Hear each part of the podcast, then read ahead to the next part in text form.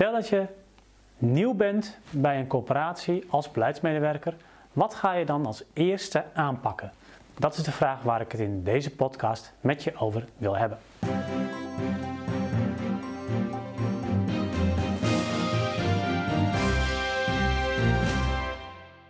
Ja, stel je bent dus nieuw bij een corporatie of als je al wat langer zit, dan zou je ook kunnen doen alsof. Ook dan is het denk ik een goede oefening om, om dit te doen. Maar wat pak je als nieuwe beleidsmedewerker als eerste aan in je nieuwe functie? Niet alleen wat er ligt in ieder geval. Hè, want er liggen ongetwijfeld uh, zaken op je te wachten. Misschien ook omdat de vorige beleidsmedewerker al vertrokken is. Of uh, misschien is de vorige beleidsmedewerker nog wel, maar heeft hij al grote nieuwe projecten opgespaard. Zodat je die als nieuwe, als nieuwe persoon kunt gaan aanpakken. Um, dat ga je natuurlijk doen, maar daarnaast eh, ga je ook nog, kun je ook nog een aantal andere dingen doen die ik je ook zeker zou aanraden.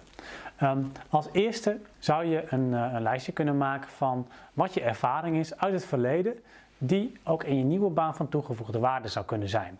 En dat hoeft dan niet per se te passen in de functieomschrijving, maar je kunt daar gewoon eens met, uh, met je nieuwe leidinggevende over in gesprek gaan van goh, um, dit raakt misschien wel aan mijn functie.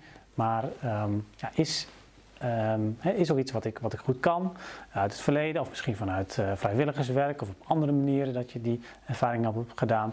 En uh, kan ik dat ook toepassen in deze nieuwe baan, in deze nieuwe functie. Dus dat is ook iets om ook je functie iets meer te modelleren naar wat je zelf leuk vindt om te doen en wat je zelf goed kunt. Een tweede ding wat ik je aanraad om te doen is om gewoon eens een keer de hele uh, plan, do, check, act cyclus van dus plannen maken tot en met het uitvoeren, het monitoren en het bijstellen van plannen om die hele cyclus, die hele PDCA-cyclus een keer door te lopen en te kijken waar dingen misschien nog beter kunnen. Dus niet zomaar aan de slag gaan, maar gewoon kijken van als het gaat om strategisch en tactische beleid, waar je uh, mee bezig gaat, ja, kijk dan of je daarop onderdelen nog verbeteringen in zou kunnen aanbrengen. Je kunt misschien ook het visitatierapport, als dat recent is, bij jouw coöperatie als aanknopingspunt uh, gebruiken.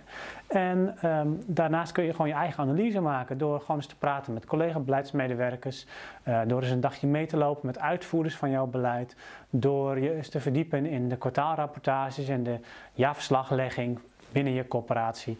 En uh, dat geeft je meteen ook een hele, heel mooi beeld van um, ja, wat je collega's allemaal doen en daarmee is het eigenlijk ook um, sowieso al een goed onderdeel van het inwerken.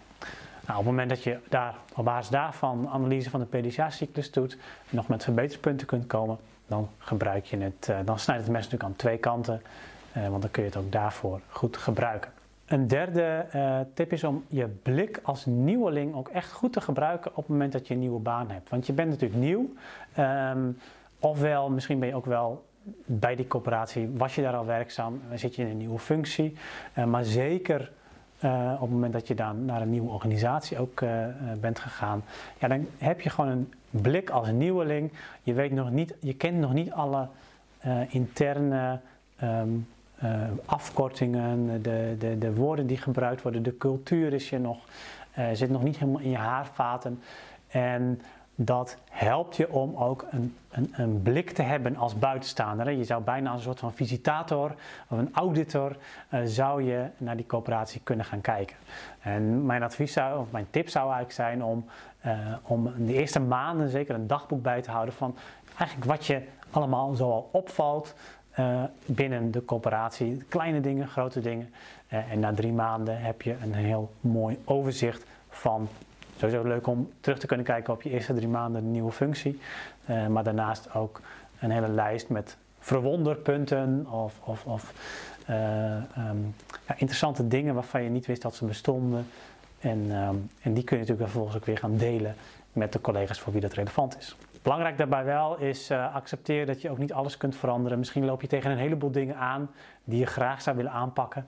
Uh, maar accepteer dat, uh, dat je niet alles kunt veranderen. En wees blij met de kleine dingen die je, die je gaat bereiken. Want ik weet zeker dat op het moment dat je deze tips gaat toepassen, dat er op één of twee of drie onderdelen best wel iets gaat veranderen binnen de coöperatie. En dat, dat, dat het ook ten goede komt aan in ieder geval je functie, en ook, ook breder de doelstellingen van de corporatie. Bedankt voor het luisteren naar deze podcast. Wil je nieuwe afleveringen ontvangen? Abonneer je dan op deze podcast. En kijk ook eens op onze website corporatiestratege.nl voor meer praktische tips en downloads die jouw werk als corporatiestratege makkelijker maken.